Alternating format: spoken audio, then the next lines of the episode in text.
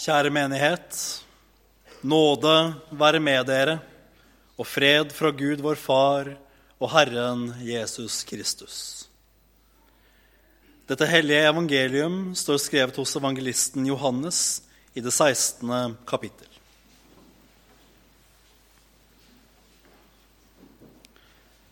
Ennå har jeg mye å si dere, men dere kan ikke bære det nå. Men når Han kommer, sannhetens ånd, skal Han veilede dere til hele sannheten. For han skal ikke tale av seg selv, men det han hører, skal han tale, og de kommende ting skal han forkynne dere. Han skal herliggjøre meg, for han skal ta av mitt og forkynne det for dere. Alt det som Faderen har, er mitt. Derfor sa jeg at han tar av mitt og forkynner for dere. Slik lyder det hellige evangelium.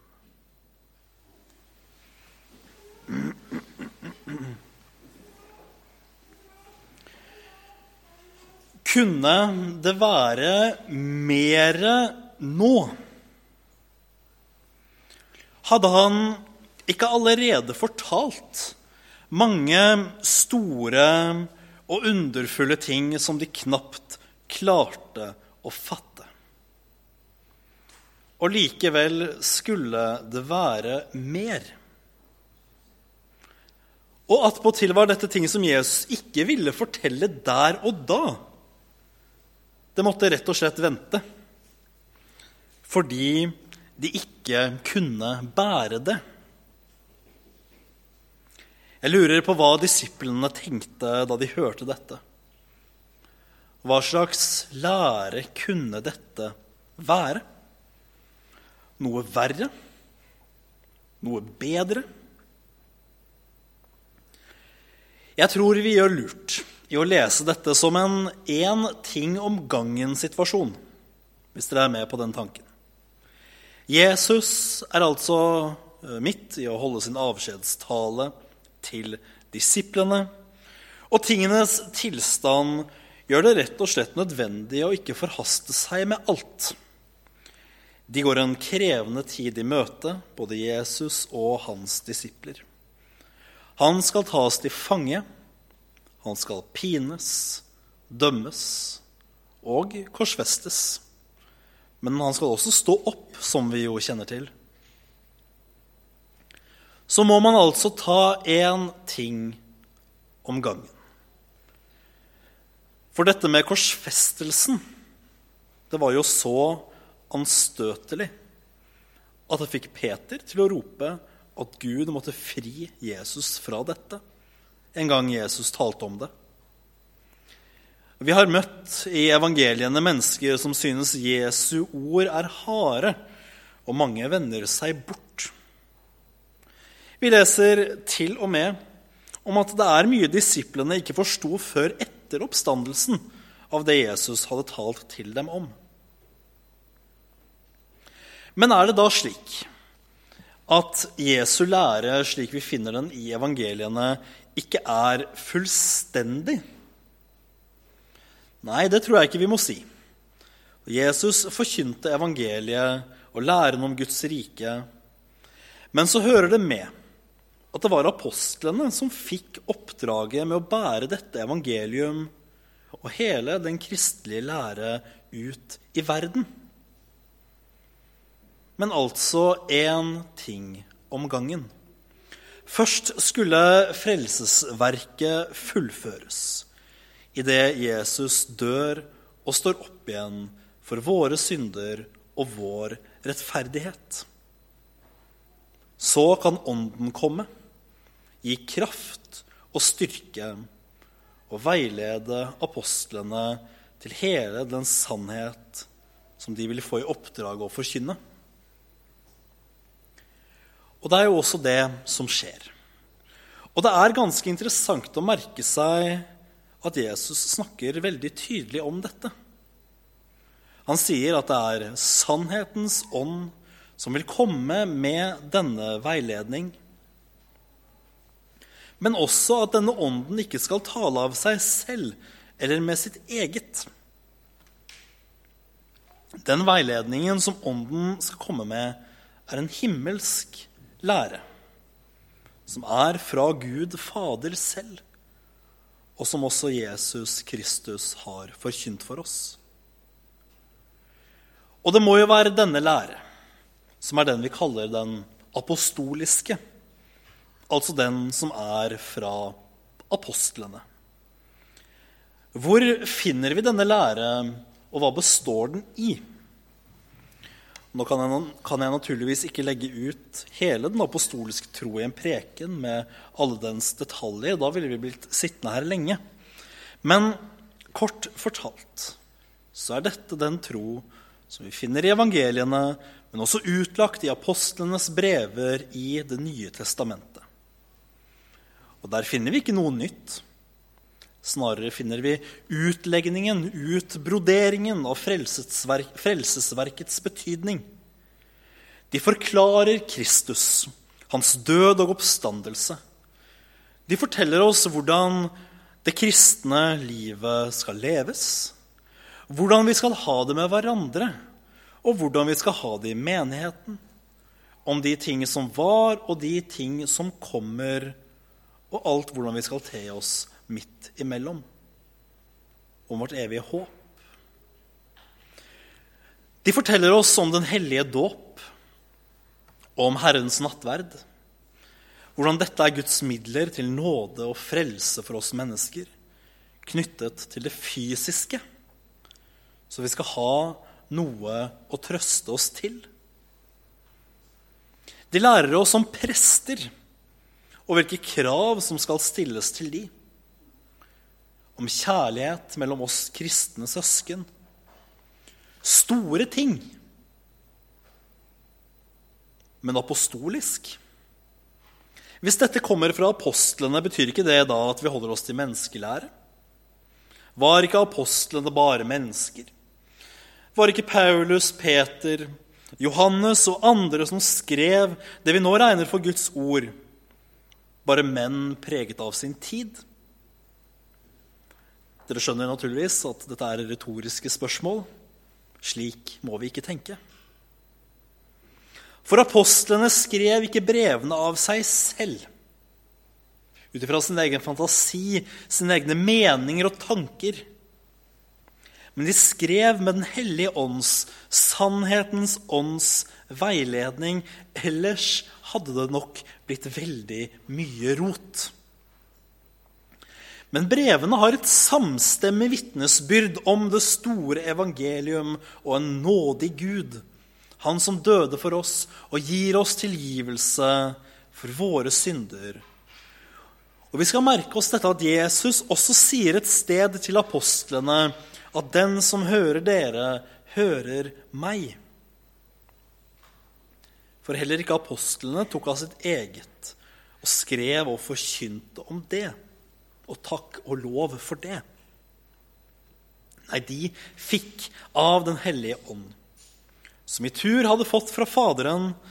Og sånn henger alt sammen på den måten at vi i sannhet faktisk kan bekjenne at selv om Bibelen er ført i pennen av mennesker, så er det faktisk Guds eget ord. Og det er en himmelsk lærdom som inneholder alt det vi trenger å vite for vår frelse, for sjelens salighet. Den tiden vi lever i, gjør det også nødvendig at vi tar med oss noen ord om hva denne teksten ikke betyr. For nå har vi nettopp hørt at Ånden skulle veilede apostlene med sannhetens fylde så de i sine brev og i sin forkynnelse kunne rett legge ut hele betydningen av Jesu frelsesverk.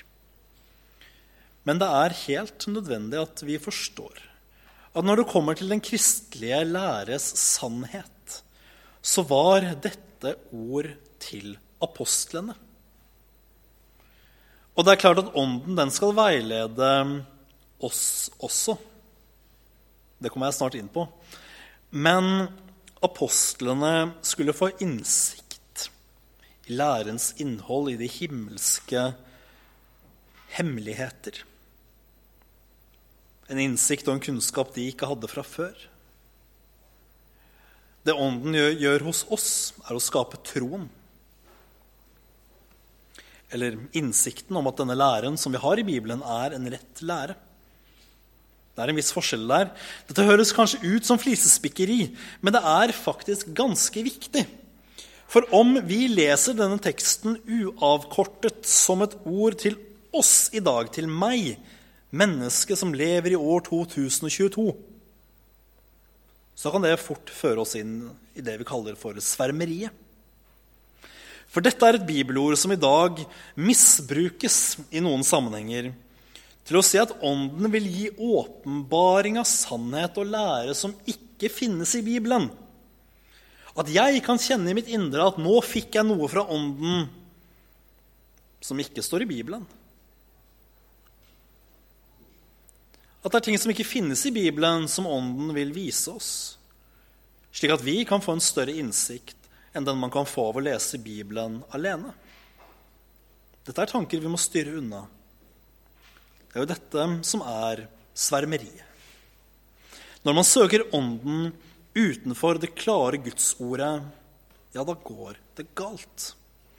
Da ender man fort i det karismatiske svermeri, hvor man tror man vet bedre enn Bibelen, eller søker overnaturlige, åndelige opplevelser for opplevelsenes skyld. Og Det er en ting til jeg må si når det kommer til dette, som eh, ikke står i mitt prekenmanus, men som jeg kom på i dag formiddag, at det er også en annen fare her. Og det er å tenke at læren utvikler seg. At dette her, at denne, den, den, denne teksten vi har foran oss, det betyr at den læren som var på den tiden, sosialetisk f.eks., den utvikler seg.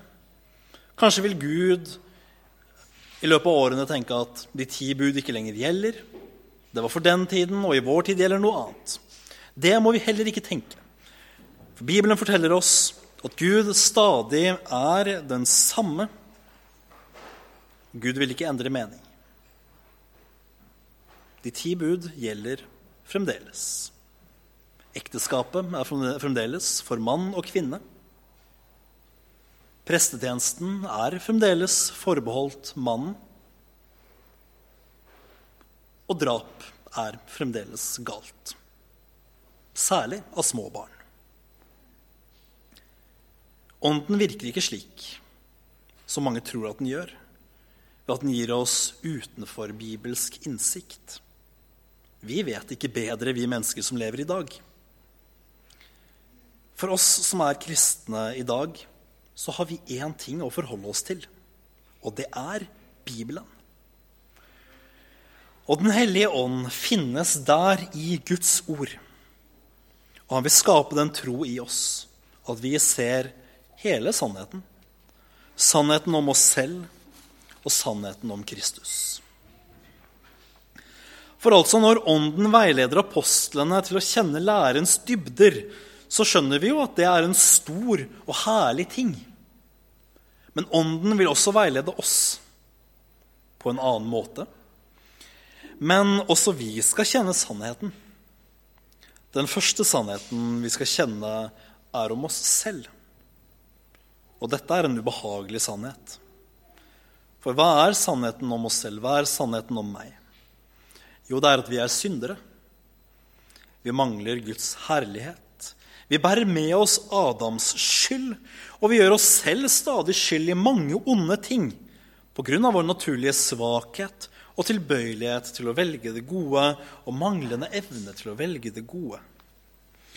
Dette med synd er en så alvorlig sak at, vi, at det kan være vanskelig å fatte det skikkelig. Det er litt som med himmelen og det evige liv. At det at vi skal få tilbringe evigheten i glede sammen med Gud, er en så stor og herlig sak at jeg ofte har tenkt at vi egentlig ikke egentlig skjønner hvor flott det kan være. Men på samme måte negativt forstått er det med synden. At dette er en ting som Ånden stadig må åpenbare for oss. Ikke bare at vi er syndere, som en sånn vag erkjennelse av at ja, jeg er vel ikke perfekt. Men hvor alvorlig det er at vi er syndere. Her tror jeg man trenger en modningsprosess. Og jeg tror den prosessen er viktig. For når vi ser alvoret dypere, da ser vi også enda større på det Jesus gjorde for oss. Selv så tenkte jeg lenge at jeg visste jeg er en synder. Litt sånn teoretisk hodekunnskap. Jeg hadde lært på fakultetet at jo da, man er, man er en synder, og det er ikke bra. Ja visst bryter jeg Guds lov og hans bud, og det skulle jeg hatt straff for. Takk og lov for evangeliet. Dette er jo rett, men det kan bli litt enkelt. Og jeg legger en del av skylden på det bildet man har av Gud som dommer. Ikke at dette er en gal ting. Gud er dommer og skal dømme. Men hva er, en, hva er det en dommer i dag gjør? Jo, en dommer dømmer etter lover og regler som noen andre har laget. Dommeren er ikke selv investert i disse. Og en dommer vil dømme en bankraner som en del av sitt embete, men vil jo ikke selv føle seg krenket av denne raneren. Jeg trengte salige biskop Erling Utnems hjelp for å innse hvor alvorlig dette faktisk er. For sannheten den er jo faktisk at Gud ikke bare dømmer våre synder mekanisk etter en bok. Nei, det er ganske mye hardere enn det. Våre synder krenker Gud. Dine synder krenker Gud. Det er Gud selv som har gitt budene etter sitt hellige vesen. Og et brudd mot de er den største fornærmelsen mot Den hellige majestet man kan tenke seg. Dette er ikke likegyldig for Gud. Og han dømmer ikke bare vår synd fordi han må. Når jeg synder mot Gud, enten direkte mot ham eller gjennom, gjennom synd mot et av hans kjære barn, ja, da krenker jeg Gud, og Gud blir rasende. Da ser vi det klart hvor alvorlig dette er, og hvor stort vi faktisk fortjener dommen og den evige død. Men så er dette takk og lov heldigvis ikke hele sannheten. For der det er sant at Gud er vred og rasende på synden og ikke vil unnlate å dømme, så er det også sant at han for Jesu Kristi skyld er nådig, mild og tålmodig. Der vi skulle hatt døden, så gir han oss livet. Og der vi skulle hatt den evige fortapelse i helvete, ja, der gir han oss faktisk himmelriket i eie. Hvor stort er ikke det? At Jesus Kristus gikk i døden for syndere som oss. At han tok på seg alle våre synder. Og tenk hva han måtte utstå på korset. Han tok straffen. Ikke bare teoretisk som en fin teologisk frase som gjør seg på universitetet. Han gjorde det faktisk. Guds vrede som var ment for deg og meg, ble han til del. Øst ut over hans hode vredeskalken som han måtte tømme. Han sto opp for vår rettferdighet, og i troen på ham faller Guds vrede bort. Du og jeg er fremdeles syndere, men i troen, ved troen, er vi i Kristus. Og da blir Kristus vår rettferdighet når vi selv har ingen. Kristus blir vår hellighet når vi selv bare har tomme gjerninger og annet søppel. Kristus blir vårt alt, og våre synder tilgis, og Guds vrede faller bort. Fra å være Guds fiender går vi over til å ikke bare være Guds venner, men hans elskede barn. Dette er den største gave noe menneske kan få noensinne. Jesus fikk forbannelsen, og vi får velsignelsen. Den vredeskalk som Jesus måtte tømme, den blir oss til velsignelse når vi får en annen kalk, livets kalk i Herrens nattverd. For alt dette jeg har snakket om nå. Om sannheter som må vises oss. Hvordan skjer dette? Ånden skaper tro og viser oss vår synd og Guds nåde. Men hvordan? Våre bekjennelser taler tydelig. At Den hellige ånd gis ved ordet og sakramentene som midler. Så når vi ofte hører ordet, når vi er døpt og går til nattverd, så ofte vi kan, ja, da virker Ånden i oss. Den gir oss sin veiledning til sannheten om Gud og om oss selv. At vi er syndere, den, det vil den nok aldri la oss glemme. Men den skaper samtidig en trøst og ikke en forferdelse ut av denne innsikt. Ånden som kommer til oss i sakramentene. Og når evangeliet blir forkynt rett, den vil heller aldri la oss glemme det viktigste. At Gud for Jesu Kristi skyld vil tilgi oss alle våre synder. At vi er Hans elskede barn og går den evige glede i himmelen i møte. Ære være Faderen og Sønnen og Den hellige ånd, som var, er og blir en sann Gud fra evighet og til evighet. Amen.